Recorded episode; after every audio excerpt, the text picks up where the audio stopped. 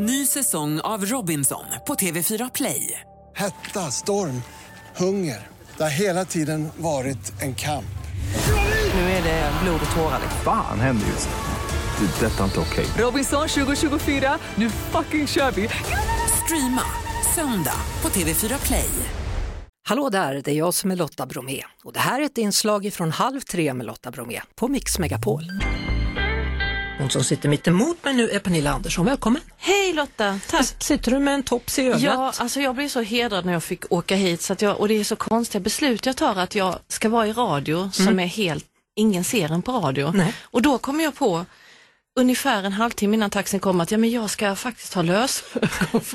Ja, för att vara extra fin i radio Ja idag. men bara några stycken, men sen så är jag ju, jag ser ju inte så bra längre så att, Nähä. och det går ju inte med glas, alltså det var sån härva så du fick ju fransen. Ja, jag har en frans här nu. Eh, jag vet inte riktigt, vad ska vi göra med den? Ska vi du får auktionera ha ut den? Alltså, du kan tänka att jag hade, jag ska ta loss den, det sitter några, jag kan knappt blinka med ena ögat. Det här med klister och sånt, jag är inte bra på, men du ska veta att den fransen, Den var för dig. Tack ska du ha, det var väldigt poetiskt Ja, sagt. ja, tack, tack. Hörru du, vintersånger från Garbo. Ja, precis. Dags för en liten vinterturné här. Ja, det är väl alltid det tycker jag på, på när november kommer. Jag har ju väldigt svårt för november överlag. Jag tycker att det är en jobbig månad. Så när vi kom på att vi kunde liksom göra en turné den perioden på året, november, december, då, då blev jag ju väldigt glad. Och det är alltså inte Garbo i Sumpan, den här puben som finns, utan det är Greta Garbo torg Ja. på Södermalm där jag bor. För det är där du har suttit och blivit inspirerad och skrivit låtar då. Ja, och det är också där jag försökt sätta fast lösenkonferenser. Och det gick inte så bra har vi kommit fram till. Nej, jag, jag tar bort dem nu för jag tänker att nu Men, det, men vad är det med vintern? För, fryser du? För du sitter med en varm jacka va? eller kappa på dig. Ja, jag fryser. Jag fryser hela tiden. Jag tycker att just från nu när det börjar så här, regna, blåsa i sidled och det är liksom så här det är en väldigt enerverande period. Det blir mörkare och mörkare. Jag, Mm. jag är liksom inte, det är inte min period faktiskt. Nej. Jag tycker, och du vet, när man har barn, deras eh, kläder som ska på, bråk på morgonen för att de ska ha på sig extra. Det är liksom eh, kanske ett lyxproblem, men det är inte min period helt enkelt. Nej. Nej. Så, så då tar man tag i en turné. Då gör man det, eller jag gör det i alla fall. Eller så skriver man en låt som heter Curie, Ängel i snö. Ja, precis. Och det, den skrev jag ju just förra året började jag skriva den för att min son tyckte också att den här perioden var så sjukt jobbig och liksom jag kunde se liksom hur han stod sådär på vägen hem från skolan och bara, nej nu är det. Man ser på hållningen, både på sig själv och på, så tänkte jag att jag ville så här. Det är tufft liksom, det är tufft att leva i november, december. Mm. Så Curie då, är det... Är det... Eh, det- Kyrie eleison, det är liksom, det, är- det är min, ehm, nu blir, det låter som att jag plötsligt blir präst här, men det betyder Herre förbarma dig och jag tycker, eh, refrängen går så, Kyrie eleison eh, och gott nytt mod. Jag tycker att vi är på ett knäppt ställe. Det är krig i Europa och det är, jag tycker att om det finns någon herre eller herrinna så bör de förbarma sig över jordens befolkning nu, för vi, är, vi går liksom inte åt eh, Åt rätt håll? Ja, men jag tycker inte att vi är våra brightaste, finaste jag just nu. så, Nej. så, eh, så därför, Kyrie eleison, Herre förbarma dig över oss som ska ta oss igenom vintern. Vi lyssnar. Du, alltså på ditt visitkort, om du nu har något, vad, vad står först? Producent, musiker, skivbolagsägare, sångerska, låtskrivare, mamma? Butler, tror jag Det Sixten också. skulle säga. Nej, det är nog mamma först faktiskt nu och sen är det de andra. Det är precis den åldern nu där man verkligen känner sig som en butler när det är liksom Ja, jag Hur- vet inte hur gammal är Sixten Ja, men han är tio snart Ja. och det är liksom så här, ska börja mellanstadiet till hösten och det är mycket skola och liksom sånt där. Ja men du vet ju. Mm. Och det, det är ju så jag måste säga att det är det som är liksom allting kretsar runt honom. Och jag har tagit hem studion i köket och jag har poddrep hemma nu för turnén i sovrummet. Så vi har, alltså det ser inte klokt ut för, för att jag vet också att nu kommer den här perioder när alla blir sjuka, så jag Mm. kommer måste vabba och då är det lika bra att alla bara är hemma. Liksom. Men, men hur kommer det gå med turnén då? För du kommer ju sakna honom, det har du ju gjort förut men på han har, min, jag är ju som sagt en eh, turnébutler då, så att han har sagt hur länge jag får vara borta och jag får inte vara borta mer än tre dagar i stöten, så Jaha. då är inte jag det. Så du har lagt upp hela turnén då med tanke Ja. på honom? Ja, Men det är ju fint någonstans. Ja, men jag har ett barn också, känner jag. Så att, eh, och jag kan göra det, det är inte alla som kan det. Plus att jag också har musiker som alla är familjefäder. Och när vi gör så här så blir det happy wives och happy wives is good touring people. Ja. Du, vet du, igår så var det musikterapins dag. Var det? Ja. Ja. Och, och då tänkte jag när du kom idag så tänkte jag på din pappa som dog för tre år sedan eller det nu, i Mm. Alzheimer. Ja. Just musiken för honom, det var ett sätt för er att få kontakt med varandra när han var mitt uppe i sin sjukdom. Ja, när det, han var så illa att han inte hade ord kvar längre, då kunde vi prata genom olika plattor som han gillade och då fick han ibland tillbaka ord också. Jag tänkte på det när Sven-Bertil Taube gick bort nu så hittade jag ett klipp när Sven-Bertil var så jättegentlemannamässig gentemot pappa som klev upp på scenen på Gröna Lund och han trodde att de kände varandra, för det blir ju så.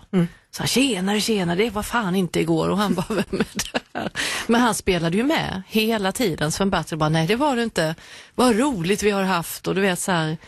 Och då sjöng han Min älskling, du är som en ros. Eh, och pappa, han dansade och jag- så det var väldigt fint att se. Han, han var jazzmusiker, va, din pappa? Ja, från början var det. Ja. Eh, Du började ju kämpa där för honom och för äldre överhuvudtaget. Hur har det gått med den kampen? Vad Ja, var det men som den- hände för de som inte har koll här? Ja, nej, men pappa eh, flyttades till ett boende och det var bra i början och sen så var det inte bra och då eh, just efter några dagar på turné kom jag till hans rum och han satt då i två dagar gamla bajsbyxor. Och min pappa var en mycket ordentlig herre.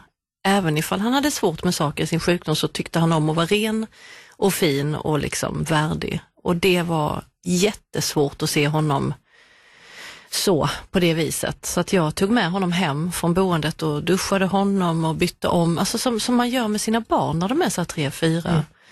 Och sen blev jag så förbannad för att när vi kom tillbaka till boendet så tog jag ut ett par nya brallor och då var de också bajsiga men de hade lagt in dem i garderoben igen. Och då fick jag sånt där, ja men Fawlty Towers, John Cleese utbrott liksom. Ehm, Att nu räcker det. ja nu får det vara bra. Och då drog jag igång, eh, alltså det var ju mest för min skull i början men så fick jag sånt enormt gensvar från hela Sverige. Både anhöriga och vårdpersonal. Och, Precis, för det är det som är grejen. För de gör ju så gott de kan och det de hinner med och Ja. kämpar ju på. Ja, och de var ju också så här, vi är underbemannade och så verkligen ingen, Mm.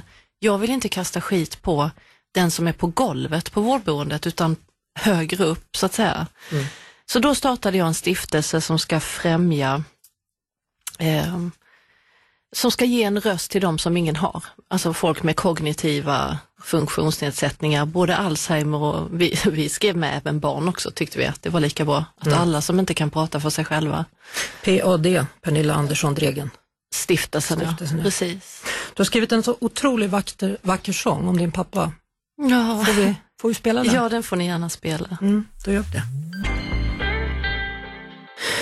Jag älskar de här raderna om den här kvinnan som sa att vi måste öppna fönstret här så att Ja. själen kan Ja. flyga fri. Ja, Chilpi hette hon eh, och det var två eh, unga flickor, måste jag säga, eller kvinnor, som hjälpte mig när jag inte, jag var ju med när pappa gick bort och sen hade jag fått för mig att jag skulle kunna göra honom fin efteråt, så här, byta och tvätta på honom och sådär, men det kunde jag ju inte. Jag fick fullständig panik och springer ut. Och de här två stackars obetalda faktiskt tjejerna fick göra det åt mig. Och jag vet inte om de hade sett någon människa avliden innan, men de gjorde jättefint. De öppnade fönstret, de tvättade honom, de tog på honom fina kläder. Och Aster, den andra tjejen, hon, hon ville att han skulle ha en blomma. För i hennes land hade alla så här prominenta män små blommor så hon stal en liten så här begoniablomma från damen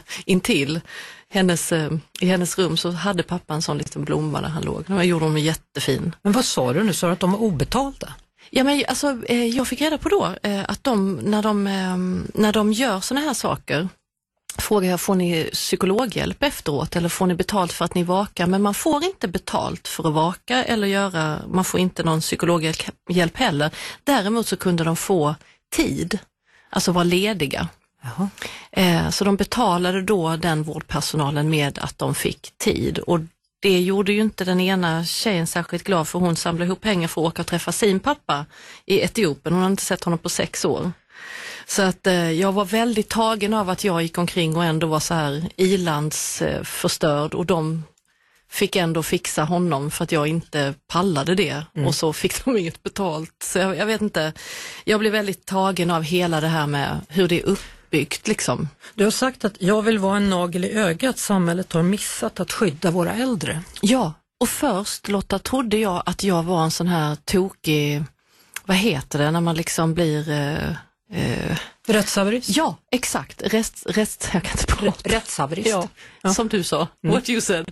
Eh, men sen kom ju Coronainspektionen eh, och allt det som jag hade babblat om, att de var inte, att de, de var så utsatta de gamla och de hade inte tillräckligt med skydd och så. Det stämde ju. Och de har ju faktiskt fått eh, böta och hamnat i rättegångar för att de inte har tagit hand om våra gamla och det är någonting vi måste ta tag i. Vi ska fyrdubbla Alzheimer-diagnoserna med våra generationer. Så jag, jag ser bara framför mig, hur ska vi göra då? Ja. Vem ska ta hand om, om vi ska ha fyra gånger fler? Eh, Så, så att jag är väldigt intresserad av det här som du märker. Jag ska inte gå in och bli, jag ska inte börja agitera här nu på eftermiddagen. Nej, men det är viktiga grejer. Alltså. Ja, men det är det. ju det. Ja, och jag tror att vi undviker att prata om det för ingen vill ju prata om sin egen svaghet eller kommande död. Man vill ju helst inte ens ta in den liksom. Mm. Jag läste också någonstans att det är 69 procent dyrare att bo på ett särskilt boende jämfört om man har en hyreslägenhet. Mm, precis. Så hur ska man då ha råd att få hjälp? Ja, det är det som man måste räkna ut lite hur man ska... jag har du. inte riktigt räknat på det här. Nej, du får räkna på ja, det. Jag räknar på det, jag återkommer när jag har räknat klart. Det tycker jag du ska Ja. göra. Vi konstaterar i alla fall att du har helt rätt. Vi ska vara rädda om våra äldre. Ja. Eh, vintersånger från Garbo. Mm. Snart blir det turné. Turnépremiär, Södra Teatern, hela, jag åker lite överallt i hela Sverige. Ja, det gör du faktiskt. Ja. Uppe i norr också. Så stor lycka till på det då. Kör försiktigt då på de hala vägarna. Ska göra det. Tack för att du kom Pernilla Andersson. Tack så mycket. Det var det. Vi hörs såklart igen på Mix Megapol varje eftermiddag vid halv tre. Ett poddtips från Podplay.